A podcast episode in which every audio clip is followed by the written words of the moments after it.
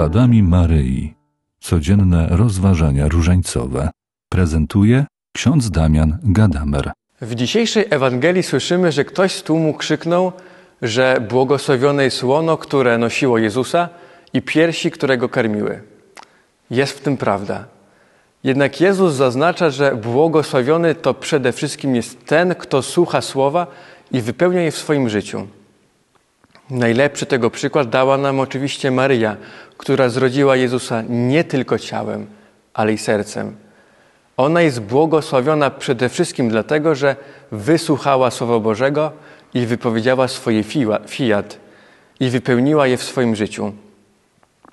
Ona uczy nas tej postawy, o której Chrystus mówi w Ewangelii. W scenie narodzenia Maria uczy nas zatem umiejętności słuchania słowa i rodzenia go, wcielania w swoje życie.